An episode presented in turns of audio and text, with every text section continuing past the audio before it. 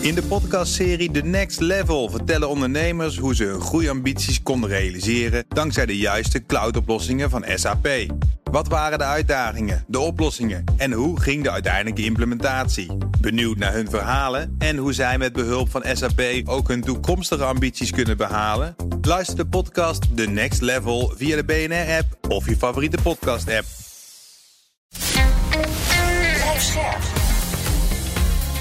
BNR Nieuwsradio. Eye-openers.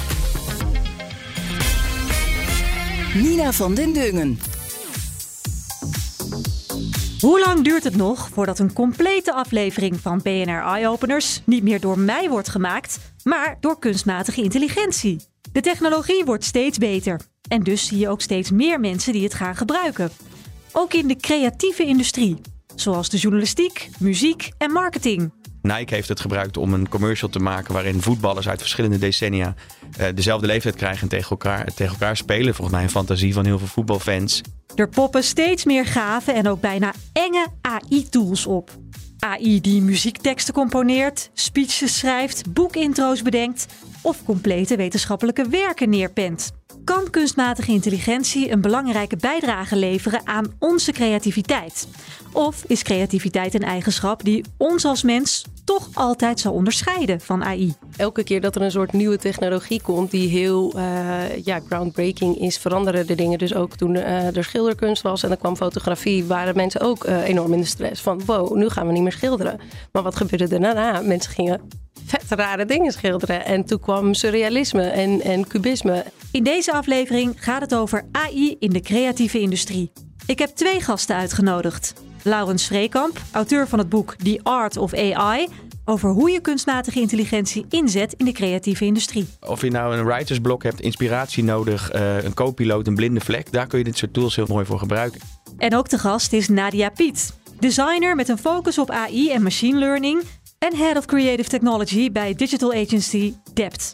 Ik denk dat dit ook gewoon een hele grote verandering is in hoe we creatieve uh, output en kunst zeg maar, maken. Mijn naam is Nina van den Dungen en welkom bij BNR Eye Openers.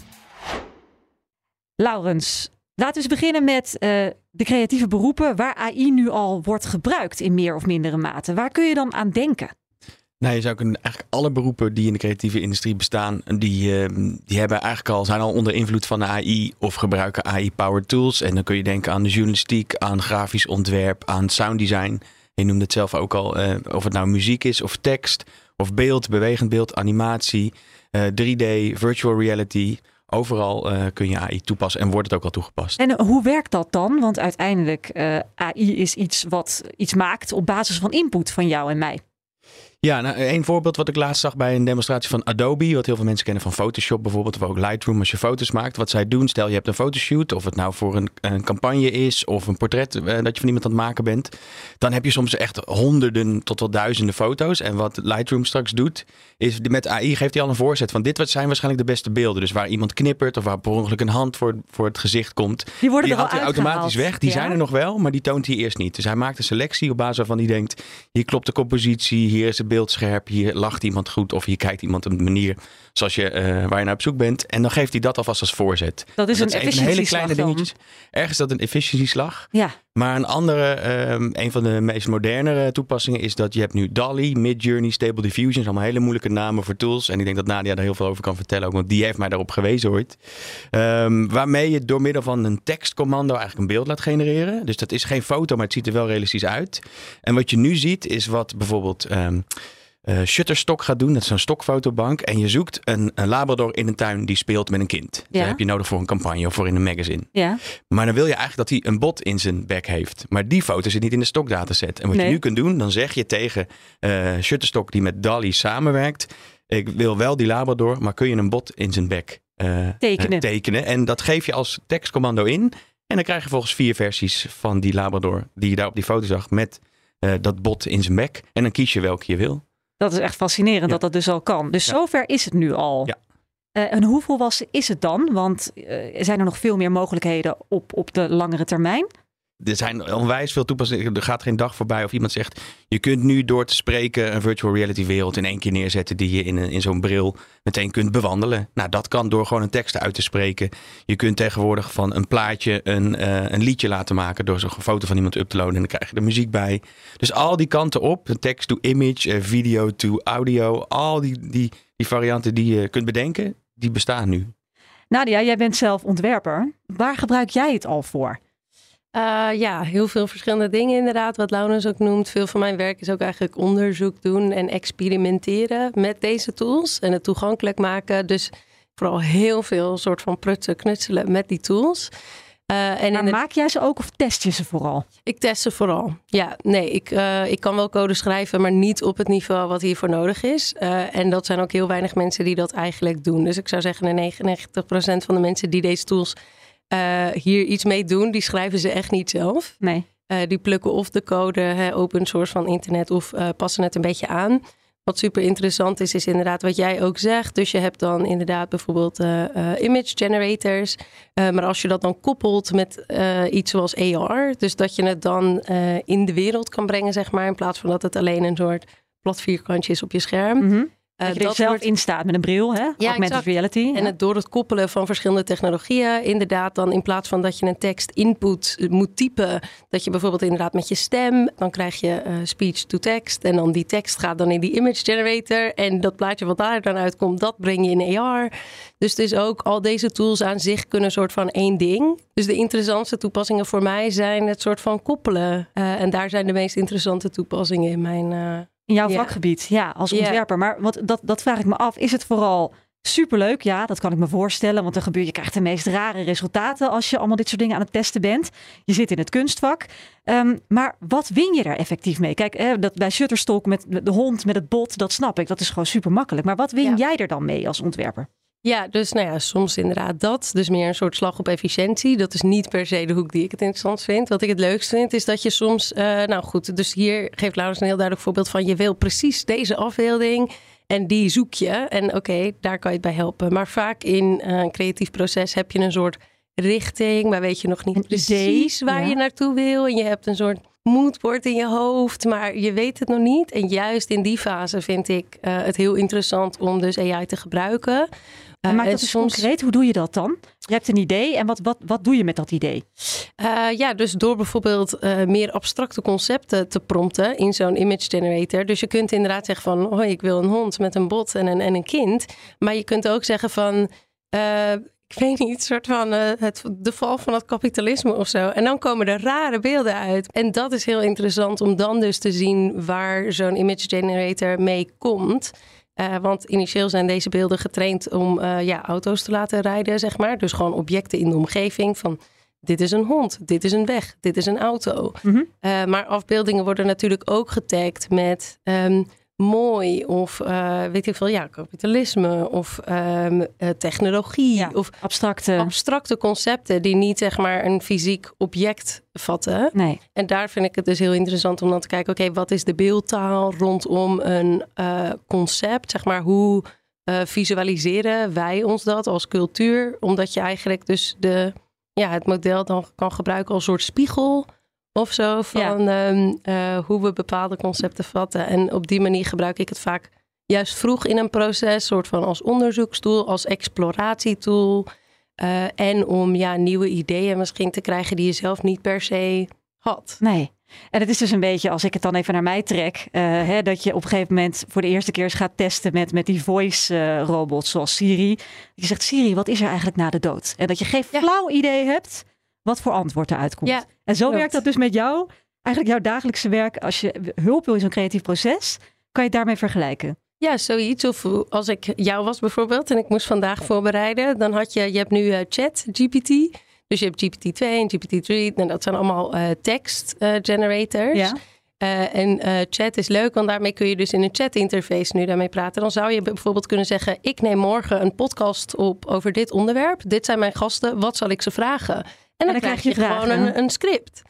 Vet. En niet dat je die dan hoeft te nemen, maar misschien staan daar vragen in die je zelf niet had bedacht. Of uh, weet je, kan je maar het gebruiken kan je wat, als... Ja, het kan je wat extra handvatten geven bijvoorbeeld. Ja, precies. Ja, of een soort van ja, co-creator Had ik dat maar mm. gedaan? Dit wil ik eigenlijk wel een keertje Ja. uitproberen. trouwens.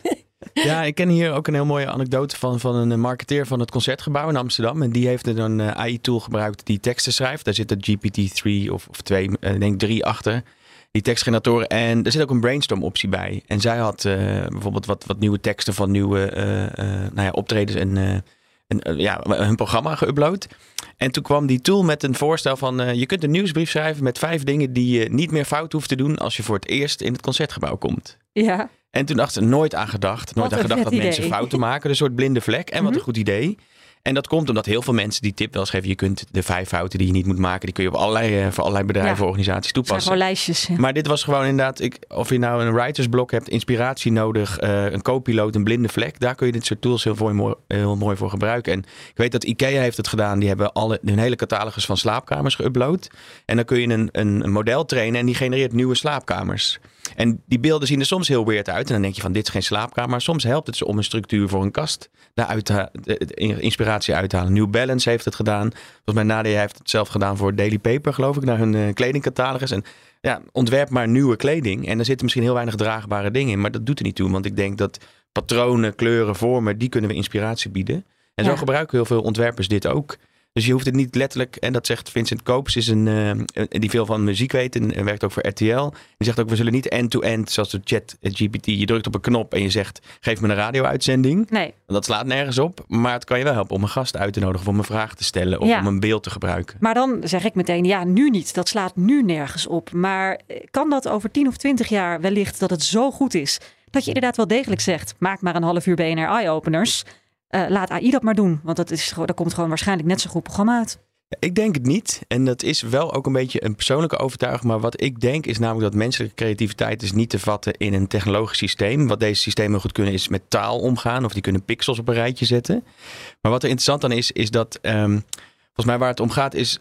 Ja, je kunt nu, als je heel goed tekst kunt, kan schrijven, kun je 90 minuten aan tekst schrijven en dan kun je een speelfilm laten genereren. Maar de vraag is, hoeveel mensen vinden die film interessant en zullen hem uitkijken? Ja, Nou, wat je moet weten is hoe je een interessante tekst schrijft. En daar kan een AI ook op zekere hoogte, denk ik, ook wel wat in betekenen.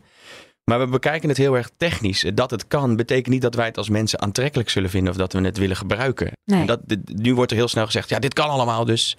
Maar ik denk dat ja, mensen uitnodigen voor een radioshow, weet je niet wat er gebeurt. nee. En AI's zijn getraind om heel voorspelbaar te zijn. Die moeten juist doen eh, waarop we gestra- ze getraind zijn. We willen een beeld van een hond. Er moet er ook wel een hond uitkomen. Want als er dan een wolkenkrabber uitkomt, dan klopt het systeem niet. niet goed Terwijl werken. het in, een, in onze radio-uitzending gaan we van hond naar Precies. wolkenkrabber. En wanneer wordt muziek Ja, ja. interessant? Als er iets gebeurt. Als er een bridge is en een film. Als er iets onverwachts gebeurt. Dus, en daar kun je AI's niet op trainen. Zeg Nee, maar. nee.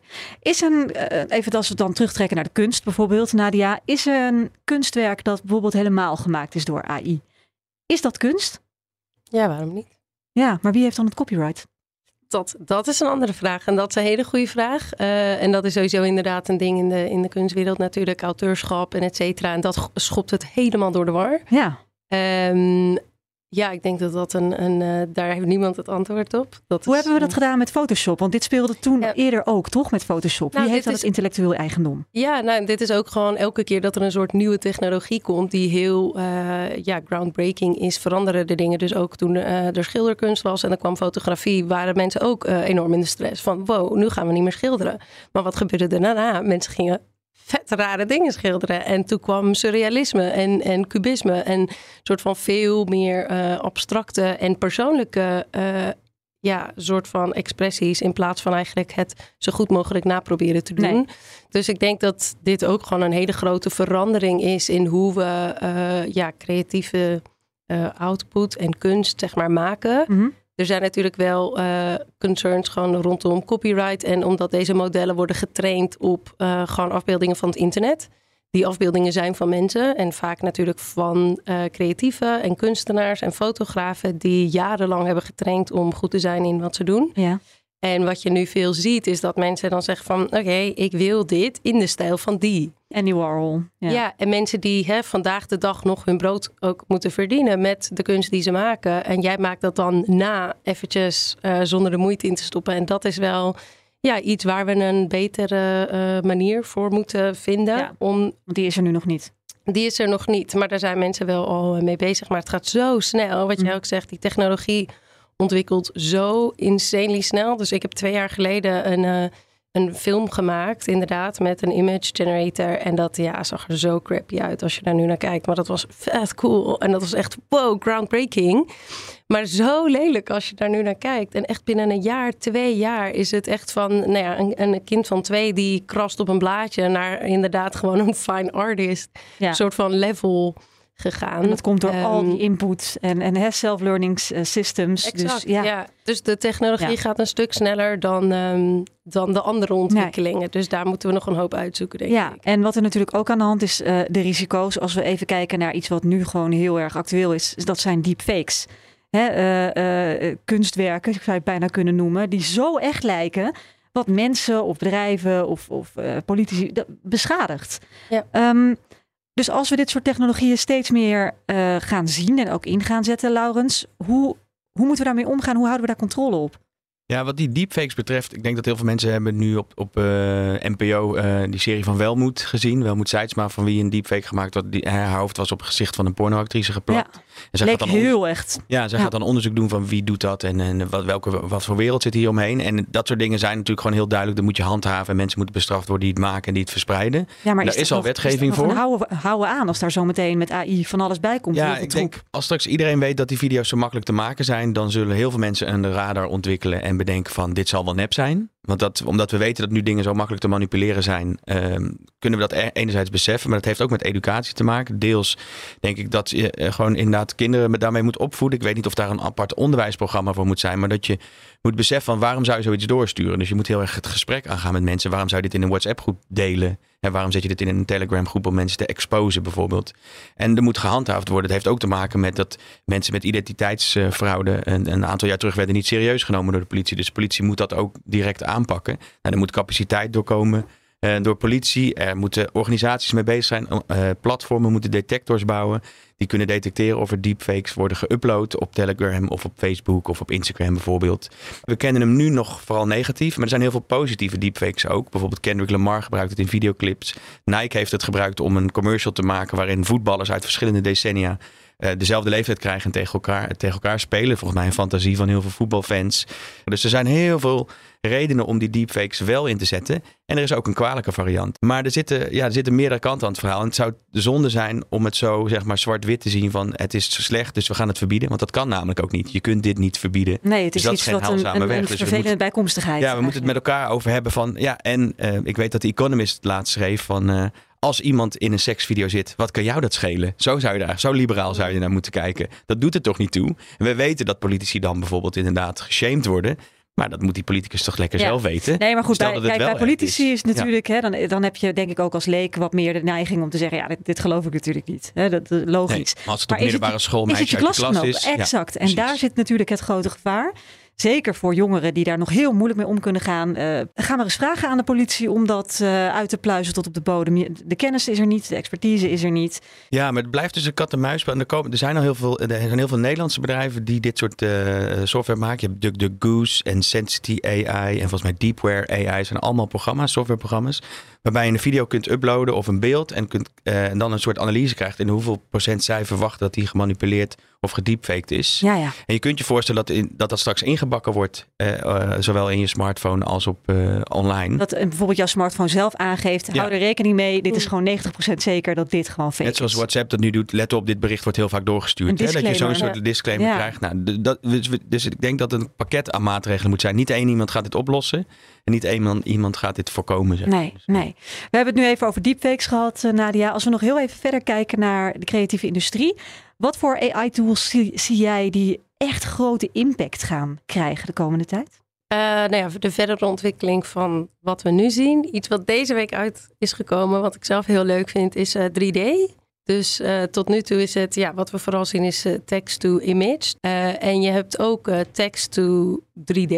Dus, en dan krijg je gewoon een, ja, een 3D object render, wat je vervolgens in een uh, Unity of een Unreal Engine. Of nou ja, dit zijn programma's waarmee je bijvoorbeeld games of werelden kan bouwen mm -hmm. voor VR. Uh, en dat is super veel werk. Iets, een 3D-object maken, uh, dat, is echt, dat is echt een hele labor-intensive um, ja, craft. En tegelijkertijd, uh, ja, heel leuk natuurlijk om werelden te bouwen. Dat willen waarschijnlijk veel meer mensen dan dat, ze, dat mensen dat nu erin kunnen investeren om die software te leren. En dat, nou ja, gewoon, uh, weet je wel, honderden uren om een soort ik weet niet, één landschapje te maken. Ja. En dat is dan, want ik neem aan, dat is niet een appje dat ik even kan downloaden waarvan ik zeg, ik wil mezelf even in de, in, in de wereld van de droomvlucht in de Efteling plaatsen. maand.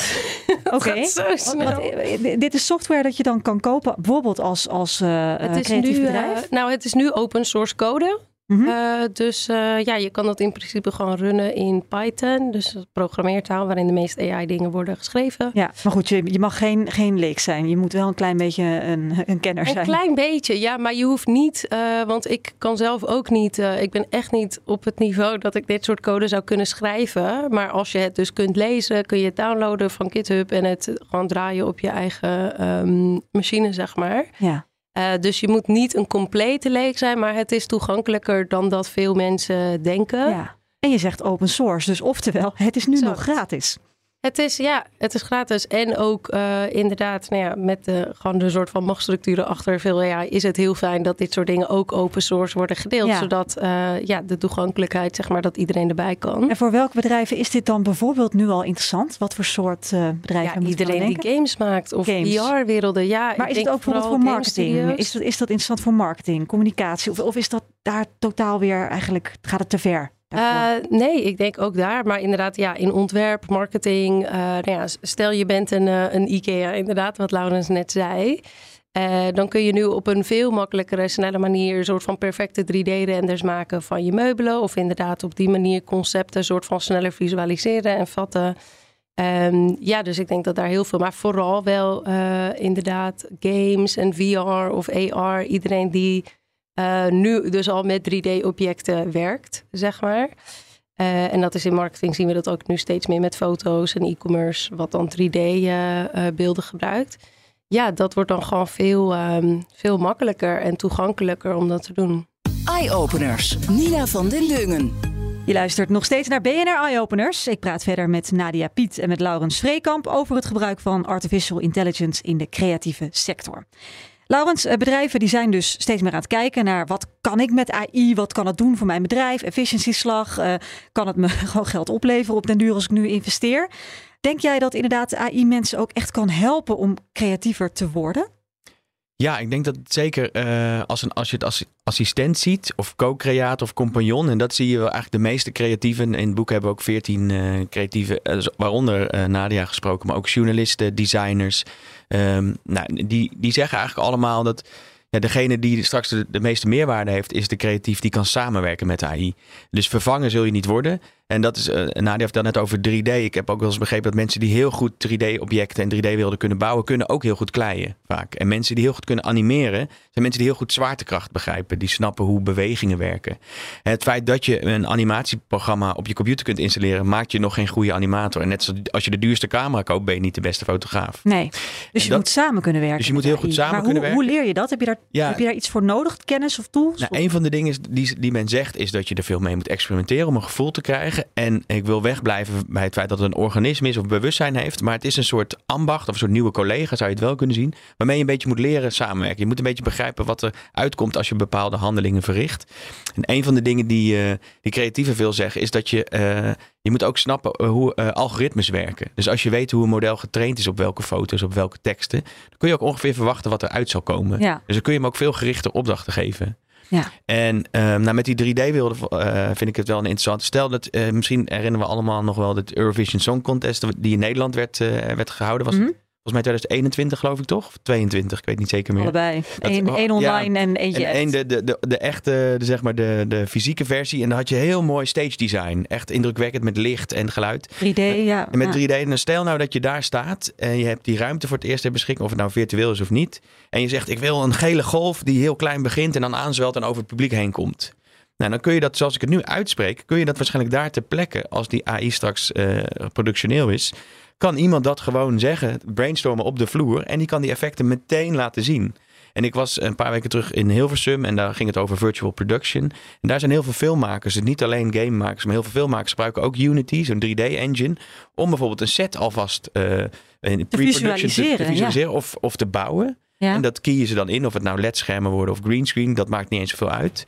Uh, maar dat helpt ze om van tevoren al te bedenken hoe ziet de set eruit. Stel, we willen een, uh, een ruziend echtpaar in de dierentuin. Nou, dan kunnen ze gewoon die hele dierentuin al modellen. En zoals en ik moet nu daar zeg, een olifant of niet? ja, de, de, die, olifant moet iets meer naar links. Ik wil daar twee giraffen en een beer op de achtergrond. Ja. En dan kan je dat, zoals ik het nu zeg, dat kunnen we straks maken. Maar dit is dus ook hè, naar de architect bijvoorbeeld. Hè? Dus een, Ja. een compleet nieuwe woonwijk of eh, zelfs een, eh, een, een compleet nieuwe stad. Maar ook heel klein.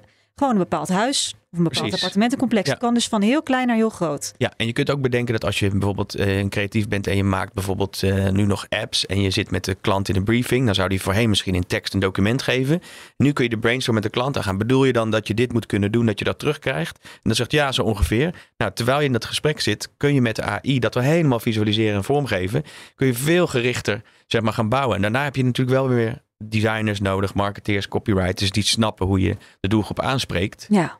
En ook daar kunnen ze AI weer voor gebruiken. Die zegt, ik schrijf nu deze zin. Past die bij, bij het woordgebruik wat mijn doelgroep gebruikt? Ja. Daar kan je weer op checken. Ja. Ja.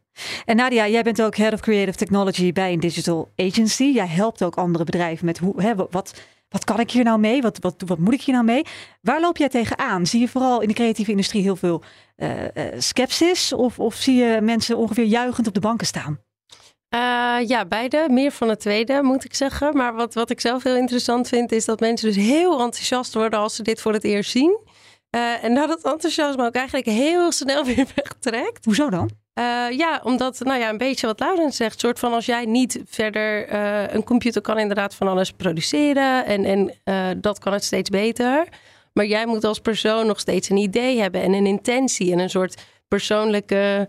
eh, ja, interesse of fascinatie of achtergrond over waarom wil je dit maken Ja. en hoe zie je dit voor je, wat is je visie en zo aan. Je moet het willen leren, dus dat is het ook een beetje wat erachter zit. Ja, maar ook het idee wat je door, door middel van AI wil ontwikkelen. Er moet wel een idee zijn. Maar hoe implementeer je het dan bij eh, bedrijven? Want uiteindelijk, we hadden het net over jouw voorbeeld eh, van de, de open source. Het is gratis om nu een beetje te gaan eh, experimenteren met die 3D-werelden. Ja. Maar ik neem aan dat er al genoeg AI-tools zijn die gewoon geld kosten om te implementeren bij bedrijven.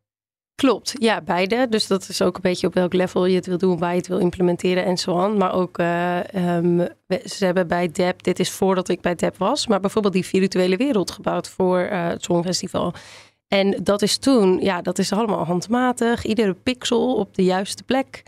Ehm, en inderdaad, als die wereld eenmaal staat, kan je niet heel veel meer aanpassen, want het is gewoon veel werk. Ja. Dus je kunt je bedenken dat je met dit soort tools kun je veel ehm, dynamischere werelden bouwen. Bijvoorbeeld op het moment dat je eh, ja, 3D-werelden bouwt. En we gebruiken het dus zelf gewoon veel in eh, brainstorm tools. Dus als een bedrijf eh, naar ons toe komt en zegt, ja, we moeten een campagne voor dit. Goed, dan gaan we brainstormen. Maar Aan de hand van AI-ideeën. Ja, nou ja, Ja. dus en met elkaar en dan ook met die AI-generator erbij. Van oké, kijken wat daar voor gekke ideeën Het is gewoon uitkomen. een extra collega. Het is gewoon, ja, dus zo gebruiken we het nu eh, vooral intern eigenlijk. En is dat dan gratis software of is dit wel allemaal, dit, dit moet je echt al voor betalen? Ehm, best wel veel, eh, ja, dus wat gaat op credits. Dus je Ja. koopt credits en daarmee kun je zoveel queries, zeg maar, doen. Eh, dus kost wel geld, maar is niet, niet per se super duur. Nee, en wat voor ter, grootte van, orde van grootte moeten we dan denken? Eh, ja, echt een paar euro misschien Een paar voor een euro. brainstorm eh, sessie, zeg Ja, maar. Je Zo hebt, eh, goedkoop is het. Ik kan me wel voorstellen dat mensen die nu eh, in, in de auto zitten en dit luisteren. En die bij een bedrijf werken, al is het in de marketing of bij een architectenbureau. Of misschien een hele andere kant waar wij het nu niet eens over gehad hebben. Maar die denken van nou, maar hier zou ik ook wat aan hebben. Waar begin je? Hoe, als je hier gewoon niet, geen verstand van hebt en ook binnen je bedrijf. Waar begin je dan? Ja, goede vraag. Eh nou ja, er is wel, ik, volgens mij is 2022 echt het jaar dat AI mainstream is gegaan of zo. Eh, dus er is nu zoveel wel te vinden online. Dus ik zou in ieder geval wat je gewoon kan doen is heel specifiek googlen AI en dan gewoon je subdiscipline van wat je doet. Dus ook architectuur, daar wordt superveel gedaan met AI, maar zelfs daar dan nog specifieker van interior architect of, of whatever. En dan vind je wel artikelen die je al verder kunnen helpen. Absoluut. Of video's natuurlijk. Mensen doen, veel mensen die experimenteren met deze tools, die doen eh, talks en delen. Want veel mensen willen ook hun kennis delen. Eh, Laurens, zijn studenten bijvoorbeeld die nu gewoon vers van, van al dit soort creatieve opleidingen komen. Hebben die al een idee wat er allemaal kan? Of, of eh, leert uiteindelijk gewoon echt een beetje plat gezegd op de werkvloer? Ik denk dat het meeste leren op de werkvloer. En denk als je een onderzoekende houding hebt, en ik ga er altijd vanuit dat de meeste creatieve studenten dat hebben, dan zijn ze er ongetwijfeld al mee bezig geweest. Vanavond dan eh, ben ik trouwens bij een groep studenten en dan komt ook een Nederlandse AI-kunstenares Danielle Schwabe vertellen over haar werk. Ehm, maar ik heb trouwens nog een eh, andere shameless plug tip. Er is namelijk ook een heel goed boek wat je kunt lezen waar ook een interview met Nadia en nog 13 andere creatieven in staan. The Art of AI kun je ook nog lezen als je wil beginnen. Oh ja, je dat niet was voor te jouw kunnen boek. programmeren. Nee, dat is wel een. Dat Hoef we je niet voor te kunnen programmeren, geen begrip van wiskunde of statistiek en dan kan je gewoon beginnen. En dat is dus ik- ook heel basic voor hè, als, als je als bedrijf geïnteresseerd bent. Wat is het allemaal? Dat, dat kunnen we ook in jouw boek vinden. Uiteraard. Oké. Nee, maar wat ik nog wilde zeggen is, eh, dat behandelen we ook in het boek. En ik word ook wel getriggerd door wat, eh, wat Nadia zegt. Is, ehm, ja, wanneer is het inderdaad, eh, wanneer is iets creatief? En eh, daar is heel veel onderzoek naar gedaan. En- En in het boek hanteren we ook de definitie van Margaret Bode. En die zegt, het moet de je moet de motivatie hebben. Dus je moet al een film willen maken bijvoorbeeld. Maar ook om iets nieuws, verrassends en waardevols te creëren. En we kennen nu allemaal die voorbeelden van er is een nieuwe Rembrandt met AI gemaakt. Of een nieuw Tupac nummer of een Bach compositie. Ja, dan kan je er nog 10.000 van maken. Maar ja, dan is het, wat Nadia zegt, op een gegeven moment is dat niet meer vet. Ja, dan heb je, dan heb je duizend Tupac albums op je computer staan. Hoe Het is niet echt is dat uniek dan? meer, nee. Niet echt uniek. Dus eerst dat het kon was heel nieuw en verrassend.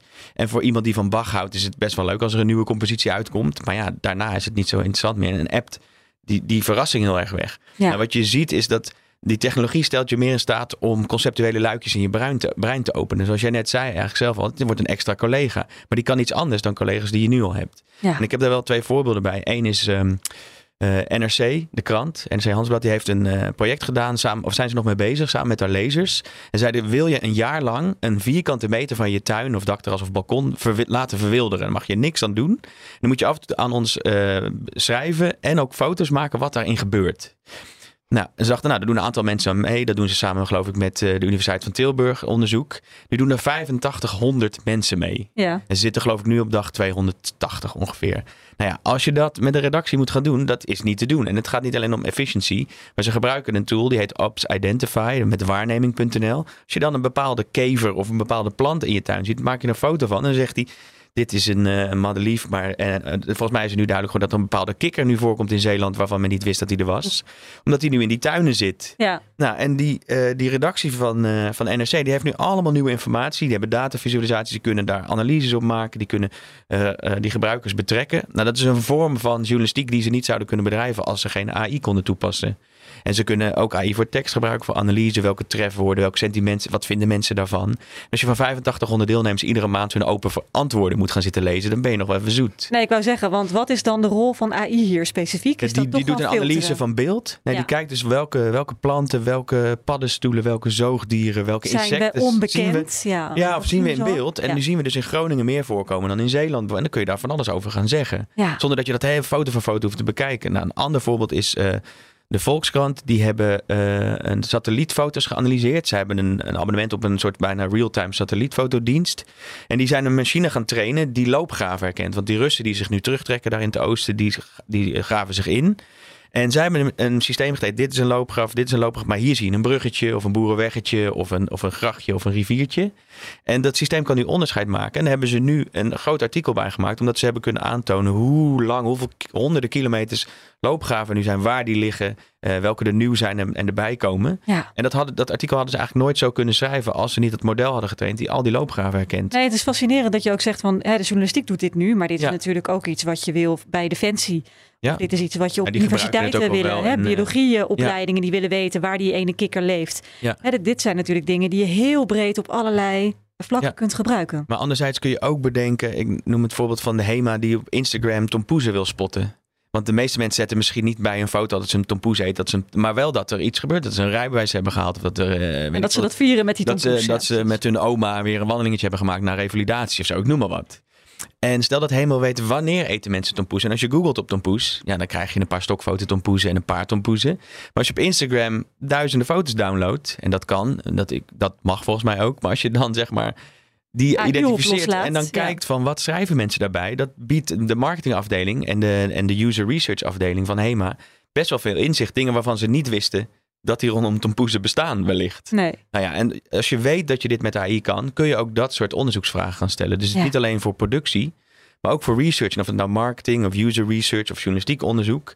Als je weet dat je dit met tekst en beeld kan en video, dan opent dat een luikje in je brein. En je ziet nu dat de eerste journalisten, dit ook gaan toepassen. En dat niet alleen om tijdsbesparing, maar ook om ander soort projecten te doen. Is dit wat jou betreft ook de grote revolutie van de komende jaren die gaat plaatsvinden? Dat de AI op deze manier gaat worden ingezet? Ja, ik denk dat het, het wordt een uitbreiding van je gereedschapskist. Na, na, naast dat je gewoon documenten moet kunnen lezen en jaarrekeningen wellicht en met spreadsheets moet kunnen werken en mensen moet kunnen interviewen, moet je ook nog weten dat dit kan. En ik denk dat het, op redactie zijn er bijvoorbeeld datajournalisten zijn nu een gemeengoed, maar die waren er tien jaar niet, tien jaar geleden niet. Over vijf jaar zit er een algoritmisch redacteur of een AI-journalist. En daarmee zijn we aan het einde van deze aflevering van BNR Eye Openers over AI in de creatieve industrie. Veel dank aan mijn gasten, Laurens Vreekamp en Nadia Piet. Ik ben Nina van den Dungen. Heel graag tot volgende week. In de podcastserie The Next Level vertellen ondernemers hoe ze hun groeiambities konden realiseren dankzij de juiste cloudoplossingen van SAP. Wat waren de uitdagingen, de oplossingen en hoe ging de uiteindelijke implementatie? Benieuwd naar hun verhalen en hoe zij met behulp van SAP ook hun toekomstige ambities kunnen behalen? Luister de podcast The Next Level via de BNR-app of je favoriete podcast-app.